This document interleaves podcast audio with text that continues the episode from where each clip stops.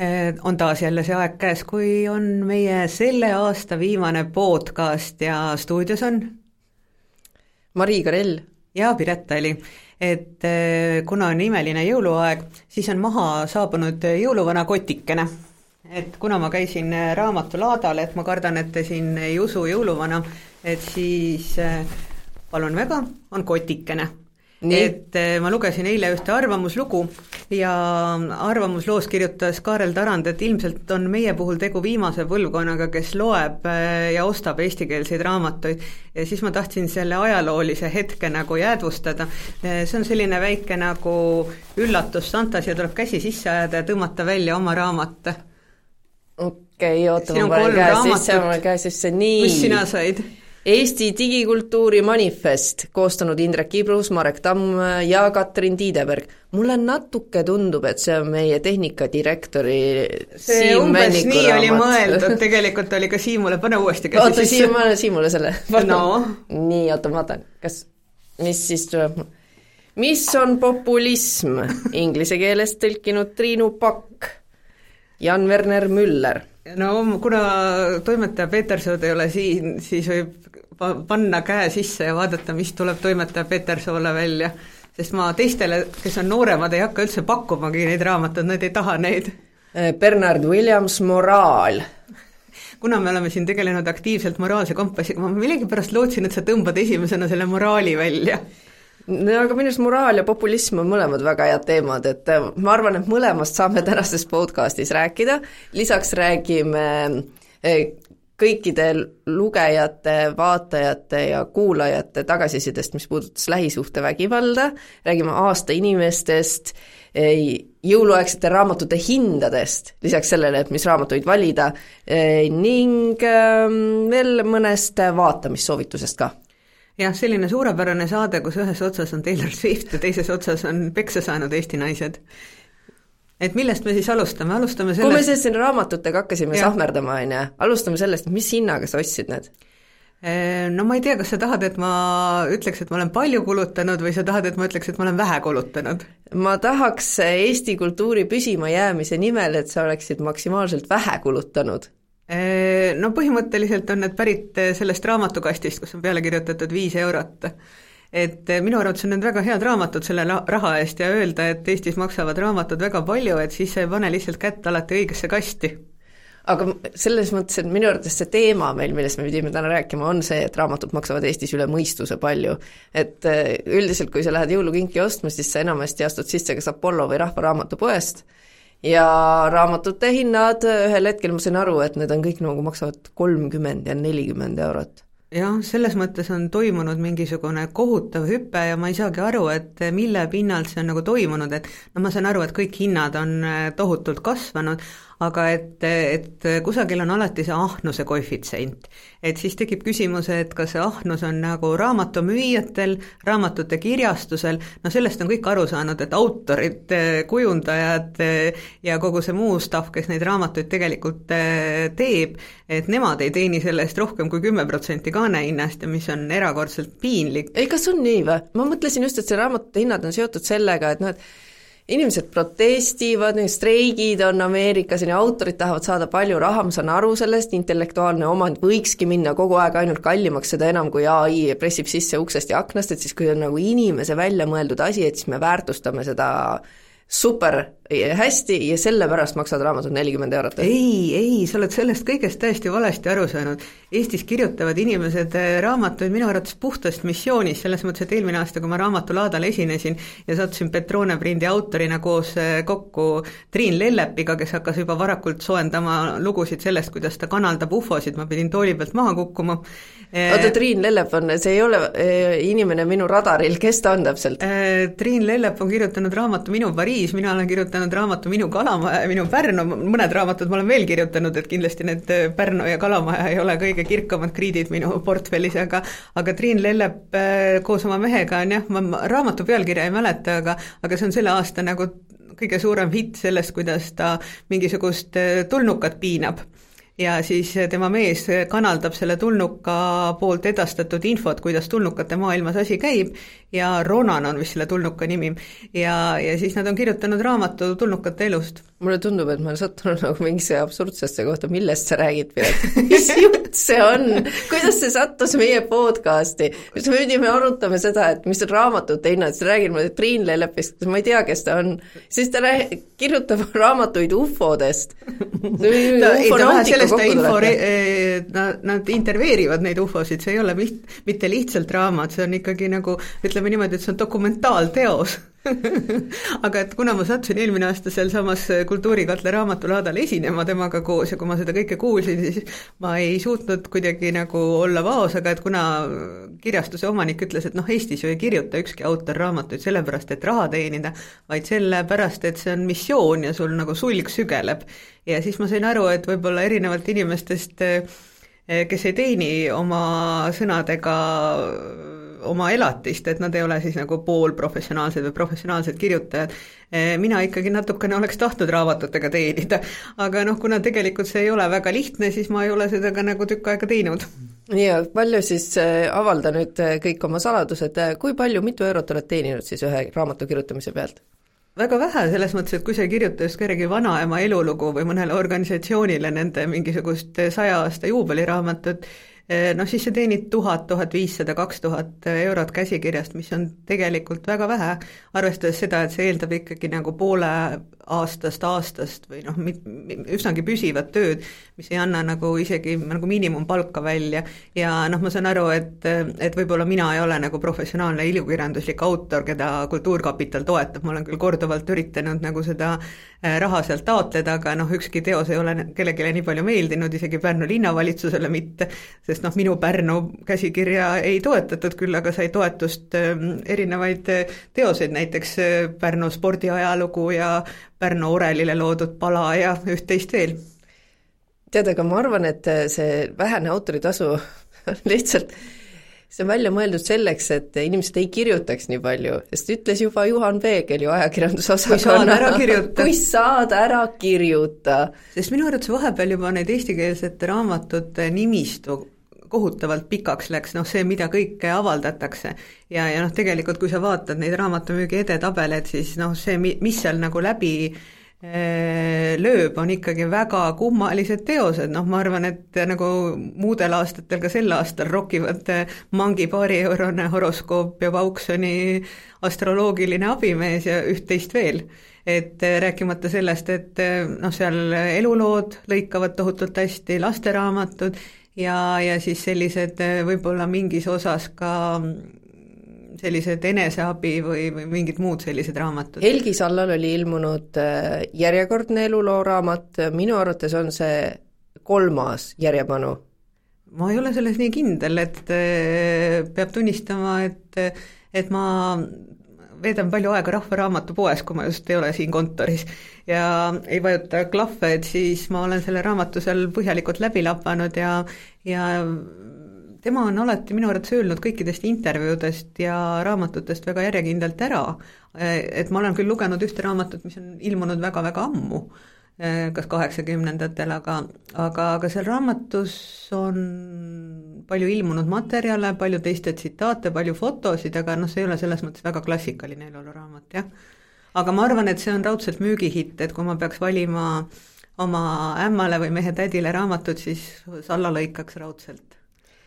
jaa, eh, Mart Kadastik on kirjutanud uue raamatu, avastasin, et ta oli aasta otsa käinud vabatahtlikuna tööl siis eesti keele õpetajana Ukraina Ähm, põgenike varjupaigas.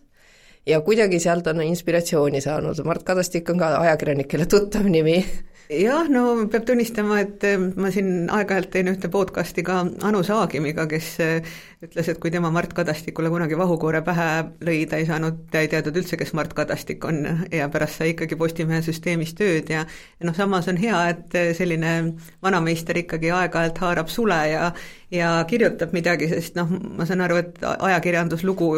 erinevate teostega, nüüd ma teile kirjutan ja muu selline, on ennast tema jaoks juba ammendanud ja ta ikkagi nagu ammutab inspiratsiooni sellest äh, tänapäeva elust, et, et on hea, et vanameistritel, kas äh, Stepan Karja minu arvates paugutab iga aasta ka endine Postimehe ja edasitöötaja. aga on ka üllatusautoreid, et ähm, Sven Mikser on kirjutanud raamatu, sa oled selle värskelt äh, läbi töötanud? jaa, ma saan aru, et, et raamatupoes ma jõudsin ainult pool läbi lugeda ja siis õnneks saadeti sulle siia ka raamat ja siis ma sain jõulukingituna, jõulukingitusena advokaadibüroo poolt? jaa, see oli imeilusas pakendis ja nii edasi, et ja, ja seal raamatulaadal oli ka Mikseri autogrammitund, et see oli ka üllatavalt populaarne. et noh, ta oli selline mis oli see imeline film, mille tegi äh, režissöör Rebane äh,? tulilind jah, tulilind. tead, kui me ei suuda seda pealkirjagi meenutada, siis ma ei usu, et sellega mingeid seoseid tekib. missuguse tekib... raamatu kirjutas siis Mikser? Äh, Vareda on äh, raamat äh, sellest noorukist, kes satub maakohta ja, ja siis on selline kerge gei-armastuse alatoon selles ka, aga noh, film Tulilind, eks ole, on armastusest küll palju nagu sellisest tõhusamast meestevahelisest armastusest Nõukogude armees. Äh, see, mis äh, Eestis tehti, see film, aga see Vareda on, see on, selline noore autori selline sulnis äh, suureks kasvamise romaan, mis ei ole üldse halvasti kirjutatud, et no noormees, kes õpib kunstnikuks, et siis, või tahab astuda kunstikooli, siis läheb maale joonistama ja kohtub seal külaühiskonnas erinevate inimestega ja kas need ongi meie raamatu soovitused, et Mart Kadastik ja Sven Mikser või me suudame mõne veel välja mõelda? Ei, peab tunnistama, et ähm, et ma sooritasin mõned sisseostud raamatulaadalt veel ja, ja, ja, ja mm, ma arvan, et need mõned soovitused võiks veel olla, ma arvan, et see ma olen ka selle juba jõudnud läbi lugeda, mis on ka selle aasta ilmselt üks äh, jõuluostukorvi hitte, on äh, Mihkel Muti raamat äh, Mati hundist, mis on väga tore, et ma arvan, et Mati Hundi eluajal seda ei oleks võimalik olnud kirjutada, aga see aitab sellest ajastust nagu väga hästi aru saada ja siis ma Äh, vist oma riigikogulasest vennale ostsin äh, ajalooteaduslikke teoseid, mõned, mis olid väga toredad ja sa vaatasid, mida paksem, seda parem? jaa, mida paksem, seda parem, seda jätkub kauemaks ja ühtlasi ma tegin ka endale jõulukingituse, mille tiivol ma olen tükk aega elanud, et kuna ma kunagi sattusin Londonisse, kui oli tulnud välja värskelt animatsioon Christmas Carol, Charles Dickensi äh, sellise klassikalise jõululoo Äh, ajendil, see oli vist viisteist aastat tagasi ja, ja ma hirmsasti tahtsin seda eesti keeles lugeda ja seda ei olnud äh, siis väga korralikus tõlkes ja nüüd on see tõlgitud siis äh, ongi jõululaul või jõululugu eh, ja sellel on väga ilusad Norra kunstniku Aisato illustratsioonid ja siis ma vaatasin selle animatsiooni üle ja see raamat on eh, raha ahnest mehest, kes siis hakkab meelt parandama jõulude ajal. ma arvan, et see oleks kõigile õppetund ka näiteks raamatumüüjatele, sest kui poed saavad viiskümmend protsenti raamatu hinnast, siis mulle tundus, et eh, kirjastused võiksid olla oma hinnapoliitikas leebemad ja raamatulaadal leidis kinnitust ka see, et ka kirjastused on ahned aga siis äh, lisan siit omalt poolt äh, veel ka soovitused äh, keemiatunnid, millest me oleme siin podcastis varem rääkinud, mille siis ainetel on tehtud vändatud seriaal ja mis räägib sellest, kuidas viiekümnendate, kuuekümnendate ajastul siis naine püüab saada keemiadoktoriks ja kuidas ta peab läbi klaaslae murdma nüüd eesti keeles ilmunud ja siis eh, suur rohepesu käsiraamat eh, Jüri Liivi poolt kirjutatud, saanud palju kõlapinda mm, ja muuhulgas on öeldud, oi, seal on nii palju ebatõdesid, aga minu arust see on väga hea raamat, niisugune lihtne lugemine, aru saada, mis asi on rohepesu ja mis asi seda ei ole jah, ma mõtlesin, et mul on see lugemislaual ootab järg ja ma arvan, see on väga hea ja see, sa, selle saab meie režissöör, kui ma olen ta läbi lugenud. et tema on Jüri Liivi matemaatika ja füüsika õhtuõpikute suur austaja reaalkooli poisina ja ma arvan, et ta on selle auga välja teeninud, aga ta saab selle jaanuaris. aga no kõiki neid raamatuid me muidugi saame lubada siis endale, kui on üleliigsed nelikümmend eurot, sest et äh, kui me võtame võrdluse, Jordan Petersoni kaksteist elu mängureeglit mujal maksab äh, viisteist eurot, meil maksab nelikümmend kaks eurot vaid no. see neljakümne kahest eurost Jordan Peterson, ma arvan, rohkem ei saa siit Eestist raha, kui ta saab näiteks sellest, mis ta Britis müüb oma raamatu maha. jah, ja siis hakkab ku-, kostma nagu kõr-, kõvasti ja kõrgele raamatukirjastajate ja müüjate ving, kuidas meil on väike turg ja keegi ei taha midagi osta ja ja nii edasi, aga samas, eks ole, ma arvan, et sellega kaotatakse tegelikult ära need viimased inimesed, kes võiksid eesti keeles lugeda, sest tänapäeva noortel ei ole absoluutselt vahet, kas nad loevad inglise või eesti keeles, sest vahepeal oli ka nagu nagu Eestis müüdavate inglise ja eestikeelsete raamatute hinnavahe oli mitmekordne siis odavuse mõttes inglisekeelsete raamatute kasuks, aga nüüd on ka inglisekeelsete raamatute hind Eestis tõusnud, aga kui sa tellid neid mujalt, sa saad neid nagu noh, Eesti mõistes võileiva hinna eest, sest mind alati hämmastab see, et kui minu ameeriklastest sõbrad, eestlased siis, kes elavad Ameerikas, tulevad Eestisse ja tahavad oma seal sündinud lastele osta eestikeelseid raamatuid, nad viisteist dollarit, selle eest mina koomiksit Pipist ei osta aga Neil see... maksab kaks dollarit koomiks. Mida sa teed selle koomiksiga, isegi kui sa oled eestlane? Siin on veel häid võrdluseid, näiteks Harry Potter Poolas. Ah,, po-, Harry Potter Poolas. Kas see on uus teos? nagu mingi uus teos, aga tegelikult see on, et Poolas maksab Harry Potteri teos kaheksa seitsekümmend, Eestis üle kahekümne euro no Harry Potterit sa saad ju igas hinnas, et iga aasta vist eh, trükitakse eesti keeldega uuesti nagu illustreeritud Potter, et selle aasta jõuluhittide nimistus on ka see, et ma ei tea, kui kaugele nad nende illustreeritud Potteritega on jõudnud, kas nad on vist Phoenixi orduni jõudnud? vist minu arust on kolm raamatut on tehtud eesti keeles. Eh, no need eesti keelde on nad kõik tõlgitud, aga, aga nüüd on nagu need rohkem, illustreeritud on isegi rohkem, et selle aasta oma on ilmselt selle vanaema kingib meie lastele ja mina loen seda aga miks ta enam, teil on nii suured lapsed, nad rahulikult loevad selle Harry Potteri juba inglise keeles ära ja siis ongi noh. Ei, nad on seda juba eesti keeles lugenud, aga noh, illustratsioonidega raamat on nagu selline asi, mida sa võid ju panna riiulisse ka, aga aga noh, ma, ma ütlen, et, et see eesti keel, et, et, et sellest on nagu siiralt kahju, et, et, et inimesed näevad selliste asjadega nagu vaeva ja, ja, ja see on nagu tõesti kaduv, kaduv, kaduv turg just, üks asi on hind ja teine asi on see harjumus. okei okay,, me leppisime kokku, et ahnus oli, aga siis mul tuleb meelde, et ma kohtusin ühes lennujaamas ühe Eesti äh, trükikoja omanikuga ja ta ütles, et nagu noh, trükkimine on ka ikkagi vaev Eestis, et sa pead äh, nägema ekstra vaeva selleks, et leida odavat äh, trükkimist, kuna tiraažid on nii väiksed, siis sul läheb see lõpuks nii kalliks ja sealt tuleb ka hind juurde. no lõpuks ju trükitakse kõik raamatud Hiinas, kas sa ei trükita kusjuures? väga paljud ikkagi trükitakse väljapool Eestit, et noh, selles mõttes, et sa võid värvitrükis raamatud, mis muidu on väga kallid, nagu trükkida mingites kolmandates riikides üsna odavalt, aga et noh, seal nagu tekib küsimus, et kui palju ja ja, ja mis et no Eesti raamatud ikka valdavalt trükitakse, trükitakse Eestis, eesti ma ei ole selles nii kindel, et me võime seda diskussiooni järgmise aasta jaanuaris, kui ma olen jõudnud, jõudnud selleni, et ma olen seda läbi uurinud, jätkata, aga ma arvan, et ikka väga paljusid ei trükita Eestis. aga, aga noh, need numbrid, millest me räägime, on siinsamas lähedal asuva tänapäeva kirjastuse direktor Tauno Vahter välja arvutanud, et et ma just otsisin eile, et leida üles selleaastaste eh, jõuluraamatute hinnavõrdlused ja ma veel ei leidnud, et ma arvan, et et kahest asjast alati kirjutatakse aasta lõpus, üks on see, et raamatute turg kas kasvab või kahaneb ja teine asi on see, et talv saabub ootamatult. meie laseri saated selleks aastaks televiisoris said läbi ja meie viimane saade oli siis lähisuhtevägivallast ja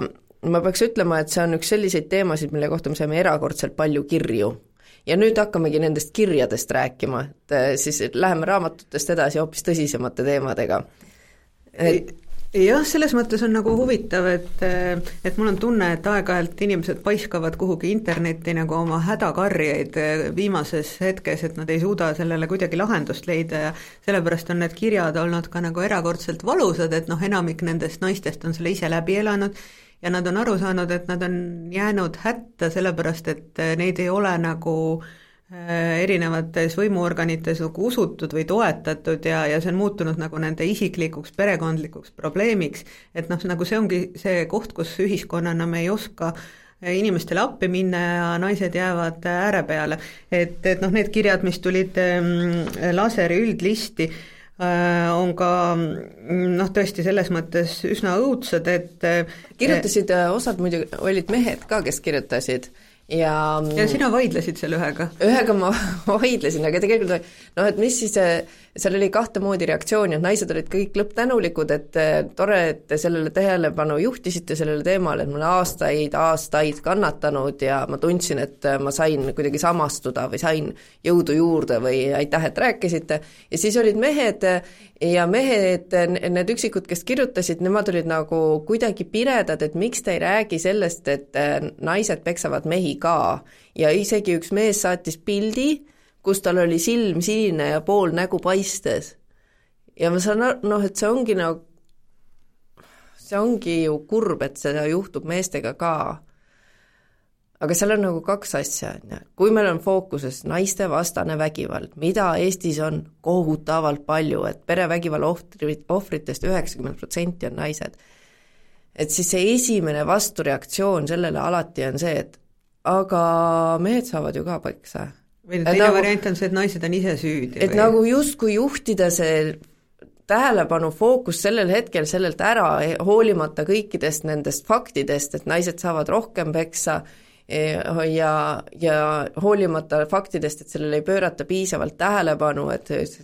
juriidiline süsteem ei tööta seda, et varjupaikadelt võetakse raha ära ja siis jälle me satume sinna, aga mehed ju saavad ka. ja siis ma saan neid kirju ja ma taban ennast mõtlemast, jah, mehed saavad ka, neil on õigus. miks me meestest ei räägi?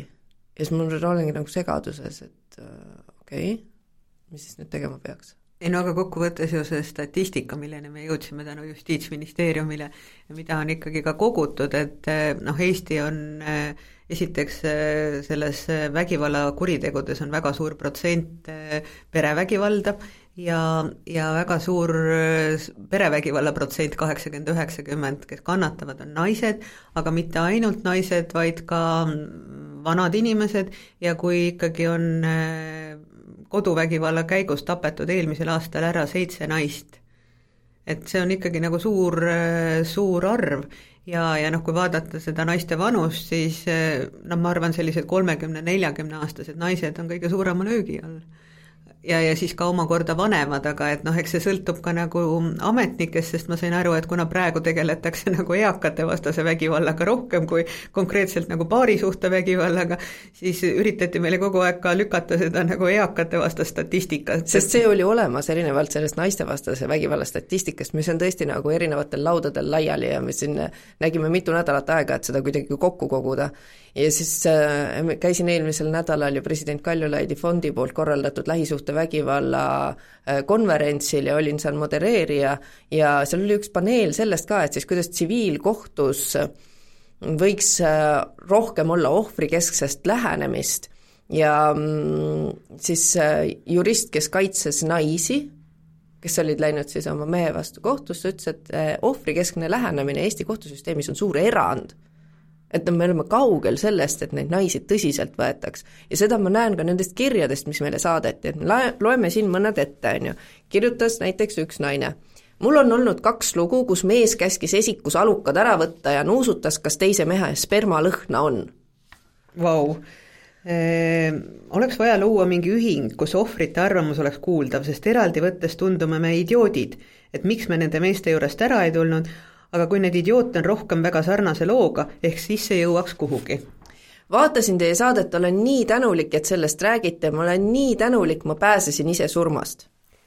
meeste vägivald naiste vastu on aktsepteeritud isegi politsei poolt, kui mees, eh, politseinik naerab telefonis, aga mis sa siis teed, mis sa siis oled temaga, on aru saada, et eh, sotsiopaatilistest isikutest politsei ei tea nende käitumismallidest ja olukordadest, kui politsei kohtleb ohvrit kui kurjategijat, ning saab isegi karistada ja õigusasutused ise alandavad ohvrit, kelle psüühika on juba segi, annab see veel hullema tulemuse üks naine, kes saatis oma perepildid, et tema tütrega on nüüd kõik hästi, nad ootavad lapsi ja tundub, et tütar ei satu mingisuguse tolvani otsa, aga kirjutas oma elust. Olen olnud ohver mehe vägivallas küll ja veel. ta oli rekka peal tööl, tuli koju, nõudis süüa ja kui meil, kui ei meeldinud, andis laksu kirja väiksem tütar ootas isa koju, ronis sülle, laps visati põrandale, et mida? Läksin tööle, see ei meeldinud ka üldse, peksis köögi segi, rõdu klaasitud aknad ka segi, vanem nüüd tütar nägi kõike pealt kuna mul raha ei olnud, olin sunnitud temaga ära leppima ja tagasi minema, aga mingi hetk hiljem kolisin ema juurde, aga vaimne trauma oli juba nii hull, et iga auto, mis oli sama marki ja sama värvi kui tema oma, siis ma olin kindel, et ta jälitab mind, ma ei julgenud enam kuskil käia. lõpuks magasin gaasipüss padja all. Eesti karistusseadustik on väga rets, kui aus olla. meie ühiskond propageerib seda, sest naine pole inimene. mainitakse siis ühte erakonda, et ähm, EKRE-t konkreetsemalt, et miks meil ei ole seksuaalharidust, et mille järgi siis naised võiksid ise oma keha järgi otsustada ja saaksid paremini oma tunnetest aru? meie ühiskond propageerib, et aa jah, see oligi seesama kiri yeah., et islamiriike mõistetakse hukka, aga Eestis tundub see nagu täiesti aktsepteeritav. aga mis me nende naiste heaks siis teha saame, selles mõttes, et äh, ma saan aru, et kui me näitame televiisoris seda, kuidas äh, noh, põhimõtteliselt ma arvan, et ma peaks ka teraapiasse minema, sest ma olen kuulanud eh, päris palju neid häirekeskuse kõnesid, mis olid ühe kohtuasja osa, kus laps helistab eh, politseid kohale, sest tema ema parasjagu saab peksa, ta saab selle kõnede käigus ise peksa ja, ja kui seal on, eks ole, sõnum, et palgu, palun tulge kiiresti, superkiiresti, sest muidu minu ema tapetakse ära, et mida saaks siis teha, et Äh, ei oleks selliseid olukordi või, või me ei oleks nagu need, kes ei suuda nendele reageerida mulle tundub, et äh, noh, ajakirjanduse roll siin saab olla seda teemat tõstatada ja siis sellegi lõpuni minna, minna ja veel kord küsida, miks meil ei ole, miks meil ei ole, miks meil ei ole. see on selles mõttes nagu hästi tänamatu töö, et et äh, noh, ühe loo pealt ei hakka keegi Eestis seaduseid ümber tegema, ehkki me jõudsime nii selles Laseri loos kui ka president Kaljulaidi korraldatud konverentsil järeldusele, et Eesti õigusrüüm on iganenud ja need seadused tuleks kaasajastada. selleni jõudsid ka Euroopa Komisjoni ametnikud, kes käisid vaatamas, et kuidas meil läheb selle Istanbuli konventsiooni täitmisega. miks me selleni üldse ei jõua, ma ei saa aru sellest no selles mõttes ongi nagu naljakas, et eh, minu arvates Eestis tehakse palju asju nagu sellise lööktöö korras, et noh, meil on nagu projekt, me teeme selle projekti ära ja siis projekt saab läbi, aga kõik see ei ole jätkusuutlik, sest noh, need naised ka, kellega me kohtusime, rääkisime, et nende jaoks on see olnud aastakümnete pikkune protsess, kus nad on olnud vägivalla ohvrid ja, ja kus nad ei suuda sellest äh, vägivallast ka välja tulla, nad peavad tööd tegema, aga siis tekib ka küsimus, et kuidas nende meestega siis edasi nagu toimetab see õigussüsteem, sest enamik nendest ei saa ei vanglakaristust, ega ka mingisugust väga suurt rehabilitatsiooni ja nad satuvad järgmisesse ja järgmisesse suhtesse, sest see noh, perevägivald ei ole see, et purjus mees annab purjus naisele vastu hambaid ja mõlemad saavad omavahel kakelda, vaid see on ikkagi aastatepikkune vaimne, füüsiline, majanduslik terror. Ja, ja noh, kui me rääkisime ka kehakaardist, eks ole, mis oli pilootprojekt ühe suurema perevägivalla Äh, näitajatega maakonnas Eestis, Virumaal, äh, siis äh, juba tegelikult seda mm, füüsilise vägivalla tulemust suudab avastada ka EMO, kiirabi ja, ja, ja siis tekkis küsimus, aga kuidas need inimesed, kes on meditsiinisüsteemis koormatud, suudavad siis eraldi seda kehakaarti täita, see teeks oluliselt lihtsamaks töö õiguskaitseorganitel, kui neil oleks olemas siis nagu asitõend, sest just paljud need eh, lähisuhtevägivalla kohtuasjad jäävad asitõendite puuduse taha. et keegi ei ole mitte midagi näinud, keegi pole midagi kuulnud, on ühe inimese sõna teise vastu, aga kui on konkreetselt see meditsiinis ära tõestatud kehakaart, sest mulle läks väga hinge lugu sellest, kuidas noh, oli näha, et naisel on seal lõualuu, nägu, üht-teist veel katki ja ta ütles, et ta on nagu trepi peal kukkunud ja, ja siis tekkis mingil hetkel küsimus, et kuidas sai saapa jälg selja peale üks äh, teine lugu oli sellest, kuidas naine oli üleni sidemetes selleks ajaks, kui politsei kohale jõudis ja põhimõtteliselt oleks jäänud see asi sinnamaani, et sa ei hakka sidemeid politseiametnikuna lahti kerima, et vaadata, mis seal all on. aga kuna meditsiinitöötaja oli selle pilootprojekti raames korralikult ära täitnud kehakaardi, siis selgus, et mai-, naine oli saanud ulatuslikke põletushaavu ja ma ei tea, kas see oli sigaretiga, ma ei, kuuma panniga, seda ei täpsustatud, aga no lihtsalt nagu, kui sul on keha üleni sidemes. et noh, need on mingid sammud, mis kahjuks noh, on vaja viia realiseerimiseni ja mind nagu ärritab selle kõige juures see, et kui me vaatame sellele aastale tagasi, siis sellesse aastasse on jäänud piisavalt palju neid juhtumeid, kus äh, siis avalikult tuntud mees mõistetakse ühiskonna poolt äh, mingisse uude ametisse, et täitsa okei okay on, et Marti Kuusik jälle kandideerib, hoolimata sellest, et tal oli väga tugev süüdistus äh, kohtus ja et tema kohtuasi lõppes sellega, et jaa, tundub, et äh, abikaasa on saanud kodus ähm, vägivalla tagajärjel viga, aga ei suudetud kohtuasjas ära tõestada seda, kes selle vea seal kodus täpselt tegi no käeluud lähevad iseenesest ju kodus ka katki, et noh, kukub see ei olnud kord... täpsustatud, me ei tea, mis see viga oli täpselt, sest see noh, kohtuasi oli kinnine, aga see, et nagu inimene kandideerib, eh, need eh, tõendid on päris tugevad, eh, ma tegin temaga ka intervjuu sellel teemal enne valimisi, küsisin, noh, et kas see on okei okay,, ta ütles, et tema jäi ju õigeks, noh, korjas neli tuhat häält, on ju. et noh, mind isiklikult nagu häirib, mul läheb moraalne kompass segamini selle koha peal, kus see süüdistus on nii tugev. või et kui on nagu ähm, tuntud laulja, kelle kohta on see eelmine elukaaslane öelnud avalikus intervjuus, et ta tuli mulle kallale, et siis jätkuvalt see laulja käib ja laulab ja esineb ja see kõik on okei. Okay.. või kui on äh, siis äh, Vanemuise ametisse määratud Aivar Mäe direktoriks, kelle puhul on kaks kohtuasja pannud talle ette seda, et ta ei ole käitunud niimoodi, nagu sa tahaksid äh, ja oleks lugupidav teise kolleegi suhtes. Noh, ma, ma teisest küljest ma kujutan juba ette, kuidas Eesti valged mehed nagu närivad praegu lauda, kuulates meid, on siirast ja püha viha täis ja ütlevad, et aga see on see tühistamiskultuur, see on see me too, kas meil on siin vaja seda, et see on põlvkondade konflikt, see on mingi asi, mille on liberaalsed süsteemid ja lääne kultuur siia toonud, aga tegelikult, tegelikult on see ju ikkagi nagu asi, kuidas saaks ühiskond ennast puhastada. Ja, ja noh, kui me ei ei, ei kehtesta seda standardit, et et nii need, kes on üleval, kui need, kes on all, saavad asjadest ühtemoodi aru, kui keegi kedagi lööb, ahistab või vägistab, siis on see kuritegu nii kuningale kui narrile. see on vastutustundlik organisatsioon, vastutustundlik riik, et aga siis sõna vastutustundlik alla alati inimesed tunnetavad, et oi, see on mingisugune asi, mille peale peab hakkama kulutama, et olgu selleks siis äh, kas äh, rohepööre või see, et sa hoolitsed, et su inimestel oleks hea olla, aga et vastutustundlik võiks ju olla a priori inimeseks olemise juurde käiv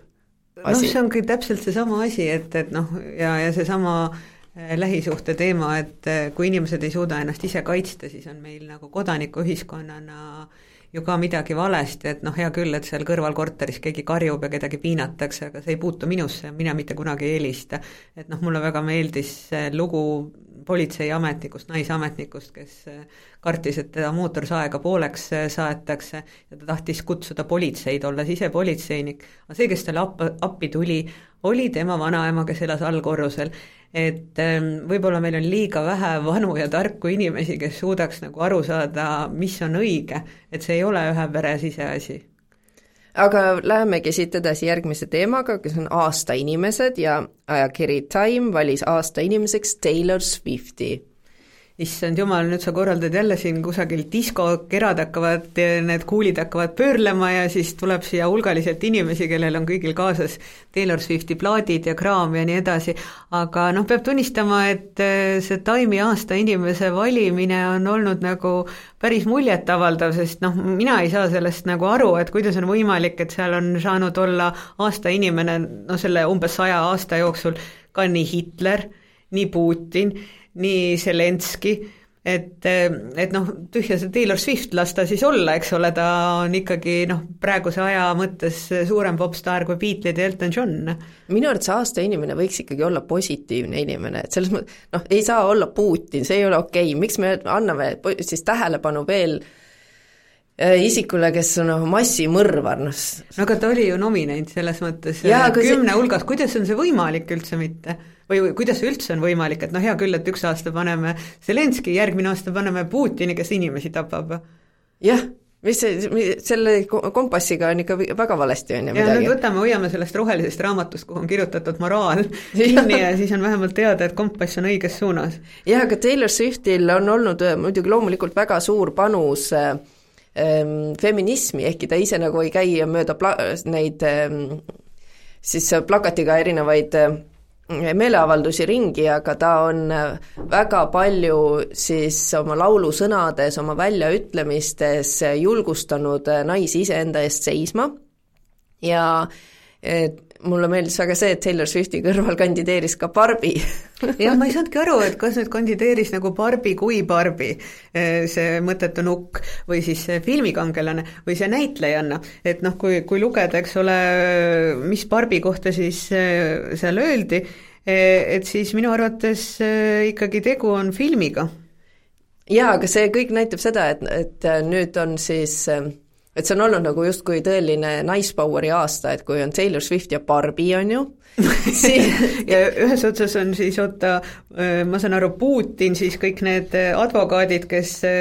Trumpi hagesid, siis ka ai, eks ole, üks loojatest Sam Altman ja siis ka Xi Jinping noh, et see on minu arvates nagu sead ja käod või ei ole või? no natuke on, aga võitsid ju naised, on ju, tugevad naised, kes on justkui eh, tahavad, et maailm oleks võrdsem eh, ja et seal valitseks õiglus ja siis, kui me vaatame näiteks Eestis oli äh, Delfis ähm, oli aasta mõjukaimate edetabel, siis seal oli eesotsas oli Kaja Kallas ja siis ma mõtlesin, et aga kes võiks olla Eesti nagu kõige siis aasta inimene, on ju. ja mulle tundub, et peaminister Kaja Kallas praegu ei ole positiivse kuvandiga inimeste siis esitopis. ma arvan, et ta võiks saada mingisuguse elutööpreemia nagu selle tooli kinnihoidmise eest, et, et ta on nagu hoolimata sellest, et kõik üritavad talle erineval moel vihjata, et Kaja, äkki oleks aeg, et ta ei ole seda absoluutselt nagu kuulanud, et ikkagi lennata võimalikult kõrgele Euroopas ja on sellest hoolimata säilitanud oma staatus quo aga mõnes mõttes see on Eesti riigile muidugi kahjulik, kui sa pool aastat Riigikogu absoluutselt tööd ei tee või isegi nüüdseks vist äh, juba rohkem kui pool aastat Nad sügisel alustasid, et noh, mingi poole peal on jah? jaa, et kui lihtsalt toimub nagu kogu aeg seisak ja me ei saa tegeleda nende oluliste küsimustega, et naistel oleks rohkem võrdseid võimalusi Eestis, et juriidiline süsteem võtaks neid tõsiselt või lihtsalt nagu munetakse seal ja istutakse seda aega täis, siis noh, ma ei leia, et see oleks kuidagi vastutustundlik e,. Siis ähm, no nüüd läheb Euroopa Parlamenti ära, okei okay,, aga Euroopa Parlamenti peaks ju valima inimesi. mõtle, missugune põnt see oleks, kui Kaja Kallas ei saaks piisavalt hääli. ma kardan millegipärast, et ta saab, selles mõttes, et kõik juba soovisid talle õnne ka peaministri tooli puhul, kui valimistulemused polnud veel selgunudki. et noh, selles mõttes on nagu ikkagi ütleme niimoodi, et hämmastavaid teflon persoone on küllaga, aga noh, samas kas see et äh, ta persoonina mõjub nagu kogu sellele naisliikumisele hästi või halvasti, on minu jaoks küsimus. et kas ta nagu pigem äh, murendab naisprofessionaali kuvandit äh, või tõstab seda? no vot, aga mulle tundub, et see praegu poliitilise kultuuri suhtes, ta küll ei lase naisi tõsiselt võtta jah, selles mõttes ma arvan küll, et, et noh, kõik see meie õnn ja rõõm, mis me oleme tundnud selle üle, et Eestis on olnud eh, peaminister ja president naised, eh, nagu kahvatab selle osas, et eh, kas meil on naistel piisavalt mune ka siis sellest toolist õigel ajal lahti lasta ja ja noh, ma saan aru, et praegu on suurem catfight ka käimas, eks ole, Karmen Jolleri ja Monika Helme vahel, kes ei suuda otsustada ära, et kes on keda rohkem solvanud. no mis see ja... case oli? Äh, no ma saan aru, et uued uudised on äh, Jollarit kogu aeg kiusanud ja teotanud ja Jollar on selle asja kohtusse andnud ja, ja siis äh, saanud paar nipsakat kirja Monika Helmelt ja lasknud selle kahjutasu maksta mingisugusele MTÜ-le, ma ei tea, millega see MTÜ tegeleb. aga et, et noh, me, meie poliitiline kultuur nagu selles osas on ikkagi väga hämmastav, et, e, e, et just see, et sinna nagu sellised catfight'id jõuavad aa, see on see vana hea solvumiskultuur, Pealtnägija tegi hiljuti sellest loo ja siis äh, seal oli ühte patta pandud nii äh, seesama Kaja Kallase mehe poolt tehtud hagi siis pensionärile, kes äh, pidi maksma tuhat viissada eurot moraalset kahju peaministri perele, kuna ta arvamusloos arvas midagi sellist, mis ei läinud kokku siis ähm, peaministri moraalse kompassiga ja samamoodi oli seal sama patta pandud ka Paul Kerese öeldu, kus ta peaministri Eh, Kaja Kallase siis sünnipäeva tähistamist võrdles eh, endise haridusministri Mailis Repsi sünnipäeva tähistamisega ja tekitas küsimuse, et kas eh, mitte Kaja Kallas ka ei lasknud oma sünnipäevapidu kinni maksta siis rahvale maksumaksja raha eest. oli see Paul Keres? jaa, see oli Paul Keres ja Paul Keres sai hagi, Kaja Kallase kaitsja on Ants Nõmper mõlemas asjas olnud ja see, ja viisteist tuhat nõuti siis välja Paul Kereselt, aga see asi on veel pooleli, et siis esimene kohtuaste on olnud jah, selles mõttes on huvitav, et kuna me oleme siin kätt pulsil erinevatel kohtuasjadel hoidnud, siis tekib mul küsimus ka, et kas Kerese täht hakkab kas-, kahvatama ja kas teda veel tasub tellida, kui sa tahad sajaprotsendiliselt oma asjades võita või mitte? minu arvates sellistes ütlemistes peab väga ettevaatlik olema, kui sa ei soovi endale släppi saada. sest et see solvumiskultuur ja släppimine on praegu väga in ja kõiki asju, mis me ütleme, tuleb nagu väga-väga hoolega kaaluda ega me siin kedagi ei solva ja solvata tegelikult ei tahaks. Kui siis võib-olla ainult välja arvata need Venemaa sportlased, mm, kes on teel olümpiale just, et selles mõttes on väga, väga tore, et, et noh, kuna ai on nagu tugev teema, siis eh, on ai abiga üks Tšehhi ajakiri suutnud toota Venemaa olümpialastele vormi. et see on nagu kulutulena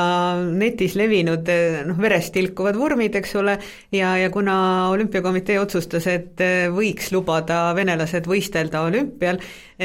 Pariisi olümpial. Pariisi olümpial, eks ole, ja nüüd ma saan aru, et Eestis ei suuda ka keegi otsustada, et, et kas nüüd Eesti sportlased, noh, mis ei ole ka nagu maailma mõistes suurem kahju, kas eestlased seal on või ei ole, aga, aga et kas eestlased peaks võit-, või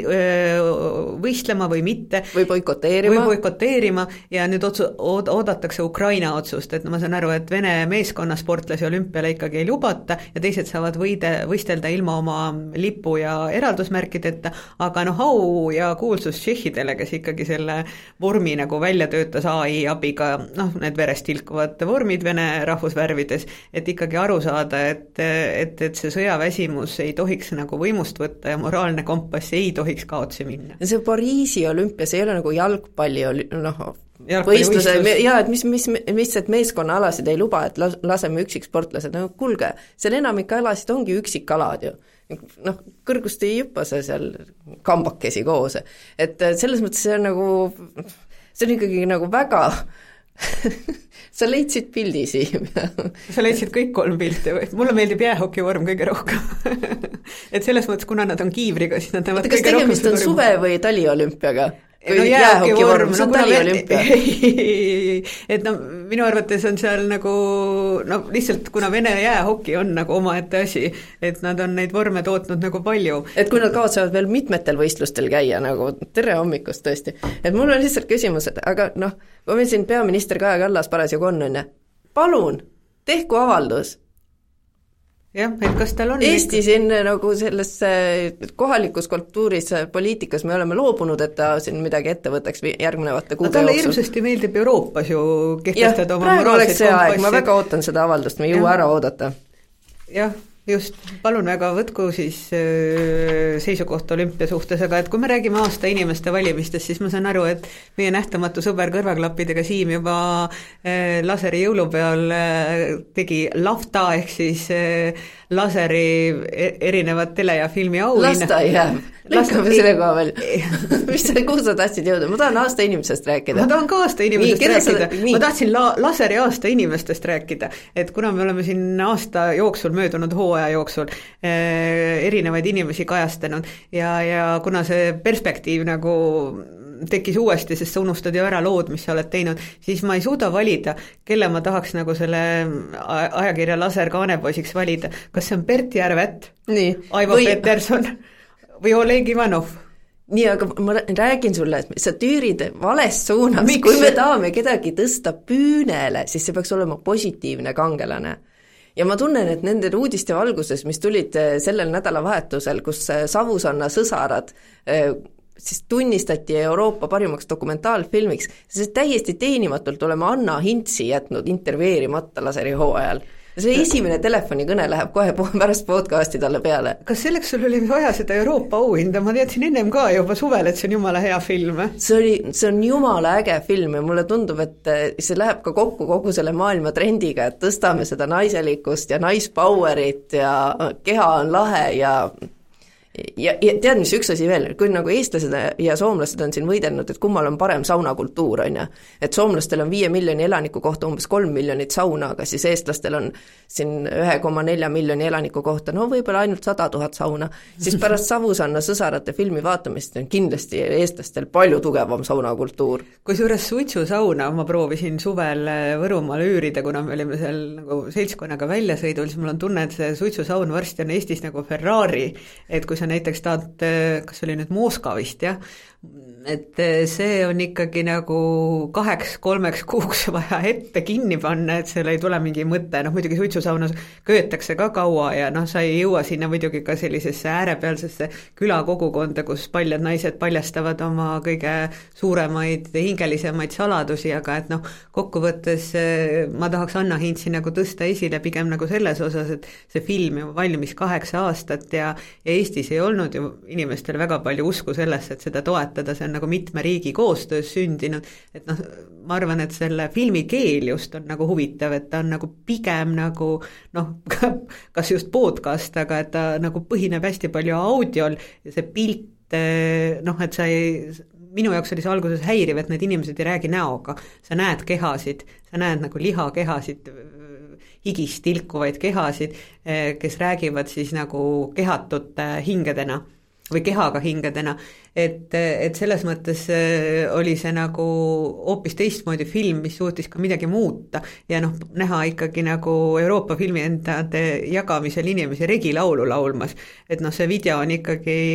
lennanud äh, täiesti nagu kosmosesse, noh, inglisekeelne regilaul ja ja noh, kuna meil endal on kõigil nagu raske mingil määral uskuda, et meie siin oleme midagi oma kultuuriga väärt, et on see UNESCO-s või mitte, eks ole, noh, suitsusaun on Tallinna vanalinn, on on Kihnu kultuur, on, ma ei tea, midagi on veel, sõir ja haabias ja veel midagi, aga noh, igapäevaselt meie seda ju ei oska sellisel määral hinnata, et selleks peabki nagu keegi välismaalt sulle kuldse kuju andma. filmiga juhtus äh, siis sama lugu nagu Eesti muusikaga, et äh, tegelikult lõpuks nagu välismaa tähelepanu pälvis midagi, mis on nii ürgne ja nii eestine, no nagu Puuluup näiteks, kes teeb maailmas tuuri parasjagu jah, no selles mõttes ma arvan, et nüüd on Puuluubil ka nagu pärast seda, kui nad on Viie Miinusega ühendanud nagu jõud, suur lootus äh, ka mingile Eurovisiooni sarnasele asjale skoorida, et see viimane lugu on ka nädalavahetusest peale ju, ma ei tea, kas sa oled kuulnud? Äh, tohutult nagu ma proovisin seda kuulata ja siis äh, ma sain aru, et ma kuidagi ei olnud selleks piisavalt ette valmistunud, et äh, et korraga siis... oleks Hiiu kannel ja, ja räppnarkootikum. jah, ja siis et paneme kõik ühte patta, võib-olla see ei ole nagu alati kõige parem mõte, et no minu arvates oli see nagu väga naljakas, kuna noh, Puuluup ei võta maailmaga ülemäära tõsiselt ja, ja seetõttu mulle tohutult meeldib. et siis oli see nagu väga muljetavaldav, et ma saan aru, et noh, aasta inimese valikul, et kui meie peaks sinuga välja andma ajakirja Time, siis me paneks sinna Anna Hinsi mulle tundub, et me praegu jah, jäime selle peale, las äh, siis Petersonid, Aivo Petersonid ja Oleg Ivanovid ootavad oma ja järge. Järvet ootaks ka, jah. kes on läinud ka tänu laserile ilmselt äh, ajalukku sellega, et ta suudab A telgi taga kabetada ja B võtta sinna täpselt, kaasa silmud. ja võtta sinna kaasa silmud ja, ja C ühtlasi ka teab, palju maksab purgisupp ennem ja palju maksab nüüd ja ja kui palju on siis inimesi, kes töötavad kümne euro eest Rahvusringhäälingus. aga võtame siit selleks aastaks otsad kokku vist või? jah, ja noh, eks me alustame siis eh, järgmine aasta uue hooga ja ma saan aru, et eh, laserisaade tuleb alles veebruaris, aga ennem seda tulevad ju TV3-s eh, veel saated, kus me võtame ka mingil määral oma tehtud töid kokku. ja et jaanuaris eh, TV3 eetris siis laserile harjumuspärasel ajal teisipäeviti pool üheksa näete Laseri stuudiosaadet, see on otsesaade sellest, kus me nagu püüame siis aru saada, et kas kõik need valusad teemad, millest me ka täna siis podcastis rääkisime, a la lähisuhtevägivald, narkootikumid, veip, kas nendega on siis kuidagi edasi liigutud, kas me oleme võtnud äh, mingisuguseid samme ette, et meil kõik noored ei veibiks, et nad ei saaks nii kergelt äh, narkootikumide küüsi ei langeks või neid ei tembeldataks kurjategijateks. et äh, valusad aktuaalsed teemad võtame stuudiovestluses ette, kutsume sinna eksperdid ja ja tavapärases ja harjumuspärases vormis laser on siis veebruari alguses teie ees. aga podcastidega me tuleme ka juba jaanuari alguses äh, teie kõrvadesse. ah soo, väga tore jah, aga siis tuleb soovida toredat aasta lõppu meie imelisest uuest stuudiost, kus on täiesti uued mikrofonid, kus ei ole üldse mitte teipi. Siim ei lubanud seda ütelda, sest ta ütles, et ta tahab äh, veel ära kuulata, kas heli läks nagu metsikult palju paremaks. aga pilt on päris ilus juba ja head aasta lõppu! head aasta lõppu, ilusaid pühi!